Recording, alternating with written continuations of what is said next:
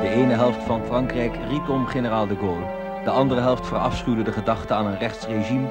Wat dat betreft nooit meer Napoleon hoor. Het is het gedroomd onderwerp voor een boek, maar voor een boek, niet voor de werkelijkheid. Twee mannen vallen de redactie van het linkse satirisch weekblad Charlie Hebdo binnen. Twaalf mensen komen om.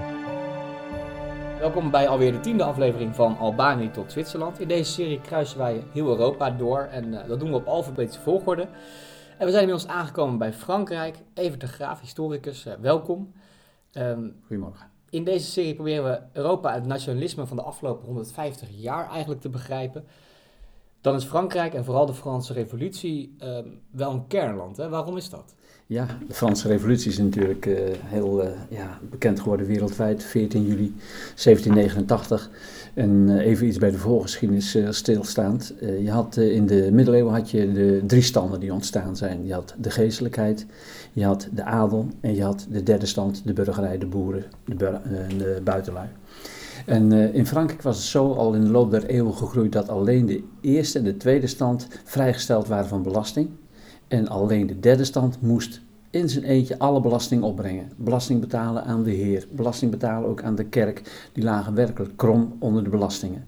En uh, dat vonden ze natuurlijk verschrikkelijk. En die derde stand die ging eronder gebukt. En op een gegeven moment uh, liep de uh, ja, nood zo hoog op, ook door allerlei misoogsten, net zo'n beetje in die periode van 1789 plaatsvonden, die paar voorafgaande jaren, dat ze in opstand zijn gekomen. In het begin was het eerst nog eigenlijk een protestdemonstratie tegen de koning. Lodewijk XVI was het toen en die woonde in Versailles met zijn vrouw.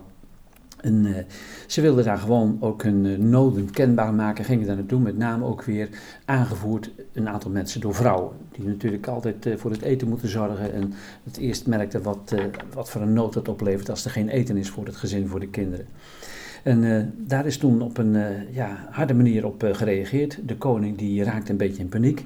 Die heeft toen het parlement ook nog bijeen moeten roepen. En het parlement, daar zit het Franse woordje parler in. Er werden allerlei staatszaken besproken. Grappenmakers zeiden altijd parler et mentir, spreken en liegen daar in de vergadering. En vandaar dat in die periode al 175 jaar lang geen enkele vergadering was geweest van de Staten-Generaal. Maar door de nood gedwongen moesten bij elkaar komen. En er werd inderdaad ook over een aantal dingen besproken. Ze kwamen er niet uit. En de burgerij die raakte gewoon uh, zo gefrustreerd dat ze in opstand kwamen in uh, uh, met name ook Parijs. En dat ze toen de Bastille, dat was een gevangenis, die hebben ze bestormd. Er gingen allerlei geruchten dat daar veel gevangenen zaten. Er bleek maar een handjevol gevangenen te zitten. En die is toen ook later met de grond gelijk gemaakt. Als je nu op vakantie bent in Parijs, dan zie je vaak nog de contouren van de Bastille staan. Maar het gebouw zelf is er niet meer. En ze stelden een aantal eisen ook opgejut natuurlijk door een aantal denkers, zoals een uh, Jean-Jacques Rousseau, die uh, heel veel boeken heeft geschreven en ook het idee heeft gelanceerd van de volkssoevereiniteit. Het volk moet de macht hebben en niet een uh, potentaat van een koning, dictator van een koning. Ze eisten toen ook de afschaffing van het feodale stelsel, verklaring van de rechten van de mens en de burger. Dat klinkt voor ons heel gek, maar ook de burger. De rechten van de mens, dat, dat betekent toch al dat, dat elk mens dezelfde rechten heeft? Ja, toch? en toch heel du citoyen staat er dan achter ook van de burger. Uh, en met name ook uh, de goed opgeleide burgers, die hebben toen ook uh, steeds meer het voortouw genomen bij die protestdemonstraties, bij het grijpen naar de macht. En ze eist op een gegeven moment ook de afzetting van koning Lodewijk XVI en zijn vrouw Marie-Antoinette. En dat ging met bruut geweld gepaard. Die zijn allebei geëindigd onder de guillotine. Ja. Het, het nationale scheermes hè, van, de, van de Fransen. Ja, die revolutie, daar kunnen we volgens mij een hele aflevering uh, uh, los van deze aflevering al mee vullen. Um, maar, en dat, dat vind ik zo interessant, waarom is het nationalisme eigenlijk in, in de Franse revolutie begonnen? Wat, wat, waarom was dat het eerste teken van de nazistaat? Nou, eigenlijk begon het in eerste instantie ook met de leus, uh, die heb ik nog niet eens vermeld, vrijheid, gelijkheid en broederschap. Uh, ze vonden dat ze natuurlijk onderdrukt werden door uh, met name de eerste twee standen, de koning gesteund door de adel en de geestelijkheid. En je moet, ja, dat, dat nationale gevoel, dat leefde ook nog niet eens zo sterk in Frankrijk, want ja, ik denk dat de Fransman in het zuiden van Frankrijk totaal andere gedachten had dan de Fransman in het noorden. En een Parijzenaar had weer andere ideeën ook uh, hoe een land er moest uitzien. Maar ze vonden gewoon dat ze gebukt gingen onder die belastingen. En daar waren ze gewoon eensgezind in dat dat een keertje afgelopen moest zijn. Dat het ja. volk het ook uh, voor het zeggen moest hebben.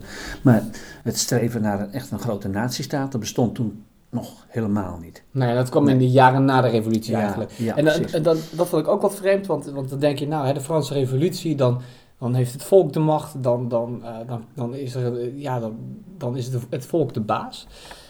En dan komt Napoleon op, eh, op te proppen en eigenlijk eh, wordt hij gewoon weer alleenheerser. Ja. Niet zoveel anders dan daarvoor, toch? Of vergis ik me Eh, dan? er waren een stelletje hele fanatieke revolutionairen. Dan heb je nog de Jacobijnen en de Girondijnen. Het voert veel te ver om dat allemaal uit te leggen. De Jacobijnen waren zeer revolutionair. Maar die had het idee, ook Robespierre, en zeiden wij moeten dat idee van de revolutie uitdragen naar Europa. En die begonnen toen een aantal oorlogen. En ze hebben toen oorlogen ontketen met Oostenrijk, met Engeland, met Pruisen, met Rusland enzovoort. En eh, toen hadden ze natuurlijk ook legers nodig. En, en hadden ze absoluut ook een goede leider nodig. En wie komt dan gewoon zelf naar boven toe? Dat is dan Napoleon, die een veelbelovende jonge eh, man was. Corsica opgegroeid en eh, het is echt een militair genie geweest. En die weet dan inderdaad ook generaal te worden. Hij is een tijdje lang, is die, eh, van 1795 tot 1799, is hij een van de vijf directeuren geweest. Maar hij streefde gewoon naar de alleenheerschappij. Net wat je zegt, hij wilde gewoon alleen de macht hebben. En dan wordt hij eh, van 1799 tot 1804 wordt hij eerst consul.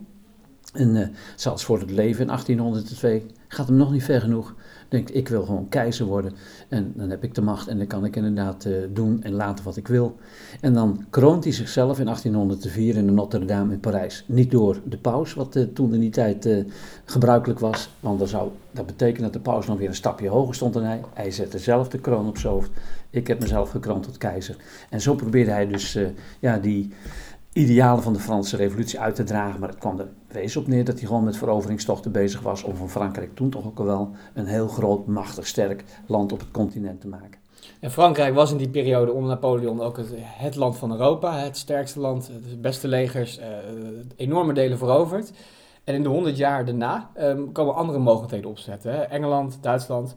En Frankrijk kon daar niet echt in mee, toch? Begrijp ik. Dus die, die bleef een beetje achter. Nou, Frankrijk heeft natuurlijk eh, zonder meer de nawegen gekend ook van eh, de oorlogen. Die Napoleontische oorlogen hebben het land uitgeput. Ontzettend veel jonge mannen zijn omgekomen, ook op de slagvelden. Denk maar aan de veldtocht die hij gemaakt heeft in 1812 naar Rusland toe. eh, de tocht over de Berezina. Sorry, waar ook nog een aantal Nederlanders bij betrokken waren. Ik meen dat er wel een stuk of 5000 Nederlanders waren opgenomen in de Grande Armée. Eh, ze hebben natuurlijk eh, ontzettend veel geld in die legers moeten steken. En eh, toen uiteindelijk Napoleon verdreven werd, de slag bij Waterloo verloor hij in 1815, toen liet hij een zeer verdeeld land liet hij achter. Je had daar allerlei tegenstellingen, republikeinen die van Frankrijk weer een republiek wilden maken, weg met de keizer en de koning. Aan de andere kant weer mensen die streefden naar het vestigen van een koninkrijk. Wel geen keizer, maar er moest weer een koning komen. En wat je dan ook ziet gebeuren in eh, zo'n beetje het midden van de 19e eeuw, dan zie je het socialisme opkomen. Karl Marx die, eh, is dan al bezig met zijn eh, compaan Engels. En dan zie je ook dat hij een goede voedingsbodem krijgt, ook in Frankrijk. En dan ontwikkelt zich een groepering die zich de socialisten noemt. Later ook communisten. En die willen dan inderdaad ook weer die rijke bourgeoisie, die derde stand, die uiteindelijk de macht had gegrepen bij de Franse Revolutie, waren vaak goed opgeleide en goed gesitueerde mensen. Die wilden ze beroven van hun macht en van hun invloed. Die vochten toen, die socialisten, tegen de bourgeoisie, tegen de kapitalist. Zeer verdeeld land. En ja, dan komt daar nog eens een keertje ook die eh, oorlog van 1870, 1871 overheen. En dan blijkt dat ze inderdaad totaal niet eh, klaar zijn voor een oorlog. Nee, en dan, dan staan de Duitsers op een gegeven moment in de spiegelzaal, toch? Ja, Ja. Dan hebben, ze, hebben we het al met eh, Duitsland over gehad in die oorlog van 1870 tot 1871. ging allemaal om het feit dat Frankrijk bang was eh, omsingeld te worden. Eh, er zouden dan Hohenzollern in Duitsland zitten en ook op de Spaanse troon zou een Hohenzollern klimmen. En dat wilden ze niet. Daar zaten ze geklemd tussen die twee machten. Dat mocht absoluut niet gebeuren. En toen, heeft, eh, toen hadden ze weer een keizer. Het was nog een zoon van de koning Lodewijk Napoleon, die in Nederland een tijdje lang koning is geweest. Daar was het een zoon van. En dat was Napoleon III. En die is een beetje doldriest eh, de oorlog eh, ingedraafd. En eh, ja, die heeft zijn hand overspeeld. Ja, En ze werden werkelijk in de pan gehaakt. eh, dat was al het teken dat Frankrijk op dat moment in ieder geval niet meer het sterkste land van Europa was dan. absoluut Ja. niet. Nee. En dan is er ook nog de drijversaffaire, hè? Dat, Ja, dan heb je de Dreyfusaffaire. Dat is een hele speciale ja, periode in de geschiedenis geweest. Ik heb hier voor me liggen, je ziet het boek van eh, Robert Harris, de officier. Wie van lezen houdt. die moet het boek aanschaffen. De officier van Robert Harris. Dat is inderdaad de hele affaire van eh Dreyfus beschreven. Hij eh, is militair geworden, was van Joodse afkomst. En hij werkte ook bij de generale staf. En dan op een gegeven moment vindt een of andere werkster die ze ingehuurd hadden, die moest dan ook op de ambassade van de Duitsers allerlei prullenbakken legen. En die vonden daar een lijstje, een bordereau met geheimen. Doorgespeeld dus door een Fransman aan de Duitsers. En eh, prompt eh, werd er natuurlijk gezocht naar de dader. En al heel snel viel de, verdachte in hun ogen Alfred eh, Dreyfus op. En waarom? Alleen maar eigenlijk omdat hij een Jood was. Een goed geassimileerde Jood. Maar ze hebben gewoon alles in het werk gesteld om hem de schuld te geven van deze spionage. Hij werd inderdaad ook voor het front van zijn troepen. Hij werd gearresteerd op 15 oktober 1894. En eh, ook toen eh, voor het front van zijn troepen werd eh, zijn sabel, symbool van zijn officierschap, werd gebroken. En hij werd veroordeeld tot een levenslange gevangenisstraf op het eiland Cayenne, Duivelseiland, waarop die film Papillon zich afspeelt. Misschien ken je die wel. Dat was een hel. Als je daar werd ondergebracht, kwam je nooit meer levend uit. Maar ondertussen zijn vrouw en een, een kind van hem, die geloofde in zijn onschuld. En die gingen toen inderdaad ook mensen benaderen. En eh, daar kreeg op een gegeven moment ook de nieuwe leider van de generale staf van de contraspionage, en een zekere major eh, Picard, die kreeg de lucht van dat er eigenlijk vals spel was gespeeld. En die ging onderzoek eh, instellen en die kwam erachter dat inderdaad eh Dreyfus totaal onschuldig was. Want terwijl hij al gevangen zat, vond die werkster ook weer op de ambassade van Duitsland weer een ander briefje ook in de prullenbak. Zelfde, zelfde handschrift waarschijnlijk. Dezelfde handschrift enzovoort. En dat ging dus gewoon door, dat spel. En eh, die heeft toen eh, inderdaad eh, dat aangekaart bij zijn meerdere. En die meerdere die wilden absoluut niet met hem mee. En ze hadden Dreyfus tot zondebok gebombardeerd en moest hij blijven. Die Picard is tegengewerkt. Hij is gewoon eh, eerst eigenlijk eh, eh, op dienstreis gestuurd naar Tunesië. In de hoop dat hij daar ook nog bij gevechten zou omkomen. Hij werd later ontslagen, is zelfs gevangen gezet. En gelukkig gingen toen meer mensen zich ermee bemoeien. En de meest bekende figuur die zich ermee vermoeid, dat was toen de hele ja, beroemde schrijver Émile Zola. En eh, die heeft toen in het eh, dagblad L'Aurore heeft hij een vlammend stuk geschreven, J'accuse. En dan noemt hij met name en toenaam dat de generale staf een heel vies spelletje heeft gespeeld en een onschuldige man heeft veroordeeld. Je kreeg twee kampen in eh, Frankrijk. Een kamp die aanhanger was van Dreyfus, de Dreyfusaar werd ze genoemd, was een soort scheldwoord aan de rechterkant. En wie hoorde dan bij dat kamp van Dreyfus? Dat waren met name republikeinen en socialisten. Tegenover stonden, en dat was echt een hele felle strijd, de royalisten, mensen die weer een koning wilden, de nationalisten, met name ook mensen uit het leger en de Rooms-Katholieke Kerk. Maar toch uiteindelijk, door die artikel ook van Emile Zola en andere politici hebben zich ermee bemoeid, eh, heeft hij toch erestel gekregen en is hij weer opgenomen in het eh, Franse leger. En Dreyfus heeft zelfs nog meegevochten, ook tijdens de Eerste Wereldoorlog weer in het Franse leger. Het heeft hele grote gevolgen gehad tot slot, die hele Dreyfus-affaire. Eh, toen dat proces speelde, is er ook een uh, Theodor Herzl in uh, Frankrijk geweest. En die heeft dat allemaal zien gebeuren en die heeft daar ook over geschreven. En die dacht, je ziet het, wij Joden worden altijd vervolgd. Wij zouden eigenlijk een eigen staat moeten hebben. En die heeft toen ook een boek geschreven, naar aanleiding van die Dreyfus-affaire, er Judenstaat. En dan zie je dat dat het verlangen is van de Joden naar een terugkeer naar Sion, dat ze, dat Sionisme wordt dat genoemd, een eigen thuisstaat wilden hebben. Boeiend verhaal, uh, Ja. dat te lezen in het boek van Robert Harris. Even nog één, nog één vraag daarover, want eh, er is een man onschuldig veroordeeld. En er staan er enorme kampen tegenover elkaar die het blijkbaar wel of niet voor hem opnemen. Terwijl, ja, het lijkt me toch gewoon, een- dat is toch gewoon een zaak van, nou ja, we gaan nog even een keer bekijken. En eh, we- Het is ook uiteindelijk gebeurd, want de werkelijke dader kwamen ze ook al gauw op het spoor. Dat was een uh, zekere officier, Esterhazy. Het was een vent die ver boven zijn stand leefde. Je had een uh, gokverslaving, zat vaak in de casino's, verloor veel geld, had geld nodig. En dat kon hij krijgen door zijn spionageactiviteiten voor de Duitsers. maar, maar waarom werd het zo hoog opgespeeld? Wa- waarom, waarom leidt het tot zulke spanningen dan? Ja, omdat je toch die, die verdeeldheid had in, eh, in links en rechts in eh, Frankrijk. En eh, rechts die eh, steunde door dik en dun natuurlijk het leger en ook eh, nou, de generale staf. Aan de andere kant stonden dan de, toch wel de, de ja, vrijdenkers en de moderne denkers en mensen die zich daaraan ergden wat er gebeurde in dat Frankrijk. die dachten, dit kan toch niet gebeuren. Er moet toch een rechtsstaat zijn waarin inderdaad de schuldige in de gevangenis komt en niet de onschuldige. Dit was eigenlijk meer de aanleiding dan de oorzaak. Ja, Ja, oké. Ehm, nou, dan gaan we richting de Eerste Wereldoorlog, waar uh, Dreyfus dus zelfs in, uh, in meegevochten heeft.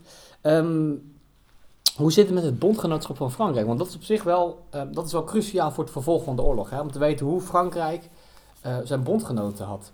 Het leek zo rond 1900 op een oorlog te worden in Europa. Tussen de Engelsen aan de ene kant en de Fransen aan de andere kant. Want die botsten op elkaar in uh, Afrika. Als je Afrika voor de geest haalt, waren de Engelsen bezig met het kruis over Afrika te trekken en de Fransen. De Engelsen een verbinding van Cairo met Kaapstad. En de Fransen wilden van het westen van uh, Afrika naar het oosten. En dat kwam tot een botsing 1898 bij Fashoda, bij de bronnen van de Nijl. En uh, daar hebben de Fransen een nederlaag geleden. En uh, dat heeft ook weer veel wrokgevoelens opgeleverd bij de Fransen, want die kunnen slecht tegen een verlies. Maar uiteindelijk hebben ze toch ingezien dat er één staat nog gevaarlijker en dreigender is dan uh, Engeland. En dat is natuurlijk het een geworden Duitsland onder keizer Willem I en later Willem II. En dan sluiten ze toch maar noodgedwongen de Entente Cordiaal met Engeland. En dan krijg je in 1907 nog eens een keertje dat ze ook een bondgenootschap weer sluiten. Engeland en Frankrijk met uh, Rusland. En zo zie je drie partijen, grote landen, Engeland, Frankrijk en Rusland enerzijds optrekken. Tegenover aan de andere kant uh, Duitsland, Oostenrijk, Hongarije en Italië. 1879 de tweebond, Duitsland, Oostenrijk, Hongarije. 1881 komt Italië erbij. En zo ontwikkelt zich al die tegenstelling van de geallieerden en de centrale Oostenrijk, Duitsland en uh, Italië, waar later ook nog Turkije bij komt dan. Ik kan, want ik kan me voorstellen dat de Fransen na die uh, verpletterende nederlaag in 1871, dat ze niet echt heel optimistisch waren over de Eerste Wereldoorlog. Daar verbaas je over. Ik heb ook een ander boek, uh, staat ook in de boekenkast, over uh, het oorlogsenthousiasme wat er was in heel Europa. Niet alleen in Berlijn, dat ze echt dachten we gaan een soort uh, vakantietripje maken. Ausflug naar Parijs stond er dan op de treinen waar de soldaten in werd gepropt. Ook bij de Fransen. Want oorlog, dat zorgt voor eendracht in het volk. Dan gaan ze toch schouder aan schouder staan, dan vergeten ze tegenstellingen. Uh, dan zorgt het dat het uh, land weer patriotistisch gaat denken, nationalistisch gaat denken. En dat brengt de nobelste en de beste deugden en gevoelens weer naar boven. En je leven opofferen voor het vaderland, dat is toch iets wat, wat eigenlijk iedereen zou moeten doen. Het zou die tegenstelling tussen links en rechts zal dat inderdaad doen verstommen, dachten ze. En dan zie je ook met name dat er een uh, schrijver is, Psychari, helemaal niet zo bekend. Die heeft een boek geschreven, L'appel des, uh, Armes, de roep om de wapens. En die houdt dan een warm pleidooi om echt ten oorlog te trekken tegen de aardsvijand Duitsland. En misschien wel leuk om een andere dichter te citeren, heb ik ook ergens een boek gevonden. Die is heel beroemd geworden. Het gedicht werd ook heel vaak ook met uh, ter aarde bestellingen van soldaten die gesneuveld waren in de Eerste Wereldoorlog, werd ook voorgelezen. Gelukkig wie gesneuveld is, hij is gegaan weer naar de eerste klei en naar de eerste aarde. Gelukkig wie gesneuveld is voor de rechte waarden, gelukkig het gerijpte, afgeoogste graan. Kunnen wij ons niet voorstellen, maar zo werd er een warm pleidooi gehouden om je ja, leven te geven voor hè, het vaderland. Het Ja. nationalisme steekt dan echt ook in Frankrijk in 1914 weer eh, heel sterk de kop op. En, en dat gedicht dat is vaak voorgedragen als Ja. bij soldaten ehm, ehm, ehm, werd eh, gebruikt bij de ja. begrafenis. Gepubliceerd eh, en geciteerd. Ja, want, want in die oorlog, ja, hebben we het al, natuurlijk al heel veel. Eigenlijk elke aflevering gaat ook wel over de Eerste Wereldoorlog natuurlijk. Die Ja. verloopt ook voor de Fransen. eh, eh, nou ja, in ieder geval in desastreus in die zin dat, dat er een, een, een, loopgravenoorlog komt. Ehm, maar er zit eenmaal een mooi verhaal aan dat ze met taxis naar de, naar de grens zijn gereden. niet naar de grens. eh, De Duitsers waren dus, dat was het Slievenplan waar ik het al in een eerdere aflevering over had gehad. Von Slieven, die al weg was, opgevolgd was vlak voor de Eerste Wereldoorlog door Von Moltke, die wilde eigenlijk die verdedigingslinies op de grens van eh, Frankrijk-Duitsland omzeilen door eh, met één grote troepenbeweging door Nederland en België Frankrijk vanuit het noorden aan te vallen. Om Parijs heen, dat dat ook meteen in handen viel van de Duitsers en dan de Fransen de rug aanvallen op de grens met Duitsland. Nou, dat eh, stokte vanwege het feit dat de Engelsen eh, ook eh, de Belgen kwamen helpen en dat de Belgen meer weerstand boden. Maar ze werden tot stilstand gedwongen bij de Marne, dat is al op Frans grondgebied. En toen heeft een zekere generaal Gallieni, eh, er zijn geruchten over, ik heb eerst keer gelezen dat het eh, ongeveer 700 taxis waren, het zijn er niet eens zoveel. Latere berichten zeggen dat hij wel 700 of eh 2300 taxis heeft gevorderd. Nou, zegt dat er ongeveer 4, 5 soldaten ingepropt kunnen worden. Die werden hals over kop, die soldaten die voor de bescherming van Parijs waren, naar de Marne gereden. En dan konden ze toch nog gelukkig, dat heet het wonder van de Marne, die snel oprukkende Duits- Duitse troepen kon tot stilstand dwingen. En toen werd inderdaad de Blitzkrieg, werd een Sietskrieg. Maar dat is dus eh, dankzij met name ook eh, de rol geweest van generaal Gallieen en die taxichauffeurs van Parijs. Een, br- een briljant verhaal Ja, natuurlijk, mooi toch? verhaal, Dat- zeker. eh, van- Ja. Los van alle mobilisatie en dergelijke, Ja. alles wat totaal uitgetokt is, we bestellen gewoon 400 taxis en we rijden naar de grens en we, gaan vechten. In, er is ook een, in Parijs een heel mooi museum, ik ben er wel eens een keer geweest, Musée eh, de l'Armée heet dat ook. En er staat ook één of twee, ik meen één van die Franse taxis, eh, kleurrijk eh, geval, die staat er uitgebeeld. Een soort T-Fort is dat volgens mij, ik ben geen autokenner. Maar die is dan eh, gebruikt, zo'n vierkante kist op wielen, om de soldaten naar de Marne te rijden. Prachtig. Ehm, eh, Frankrijk wint de oorlog, of nou ja, in ieder geval Duitsland verliest in ieder geval. En dan is Frankrijk wel echt enorm ehm wraakzuchtig. Hè? Ja. Die, die denkt van nou, en nu gaan we de Duitsers er even goed onder krijgen. Waarom? Ja, het heeft alles te maken natuurlijk ook met eh, het eh, verlies wat ze geleden hadden in eh, de Frans-Duitse oorlog van 1870, 1871. Dat juist in de Spiegelzaal, hè, waar altijd de Franse koningen gekroond werden, dat daar de nederlaag toen eh, ook eh, werd ondertekend. En nu dachten ze, nu gaan we echt eh, die goede herinnering van de Duitsers aan de Spiegelzaal gaan wij eens eventjes op zijn kop zetten. Ja. De Duitsers moesten toen in de Spiegelzaal, vijf jaar na aanvang van de oorlog op 28 juni 1919, moesten die vernederende vrede, die keiharde vrede van Versailles ondertekenen. Een Engelse politicus die heeft gezegd, we zullen de citroen ja, uitpersen, dat de pitten ervan kraken. Eh, wat moesten onder andere afstaan? Aan Frankrijk moesten ze afstaan, Duitsland, Elsass-Lotharingen. Dat, eh, die twistappel, dat uh, felbegeerde gebied kwam weer terug onder Frans bestuur. Het Rijnland, dat is echt Duits gebied. Dat is dus echt aan de overzijde van de Rijn eh, in Duitsland gelegen natuurlijk. Eh, daar mocht geen Duitse militair gelegerd zijn. Dus dat de Duitsers niet onverhoeds weer een aanval konden uitvoeren op Frankrijk. Ze moesten 132 miljard uh, goudsmelken moesten betalen, met name ook aan Frankrijk, voor al de aangerichte schades natuurlijk in de oorlog. Ze hebben werkelijk het mes op de keel gezet van, van de Duitsers. En je kon het voel aankomen. Dit leidt me tot één ding. Nu wraak van Duitsland.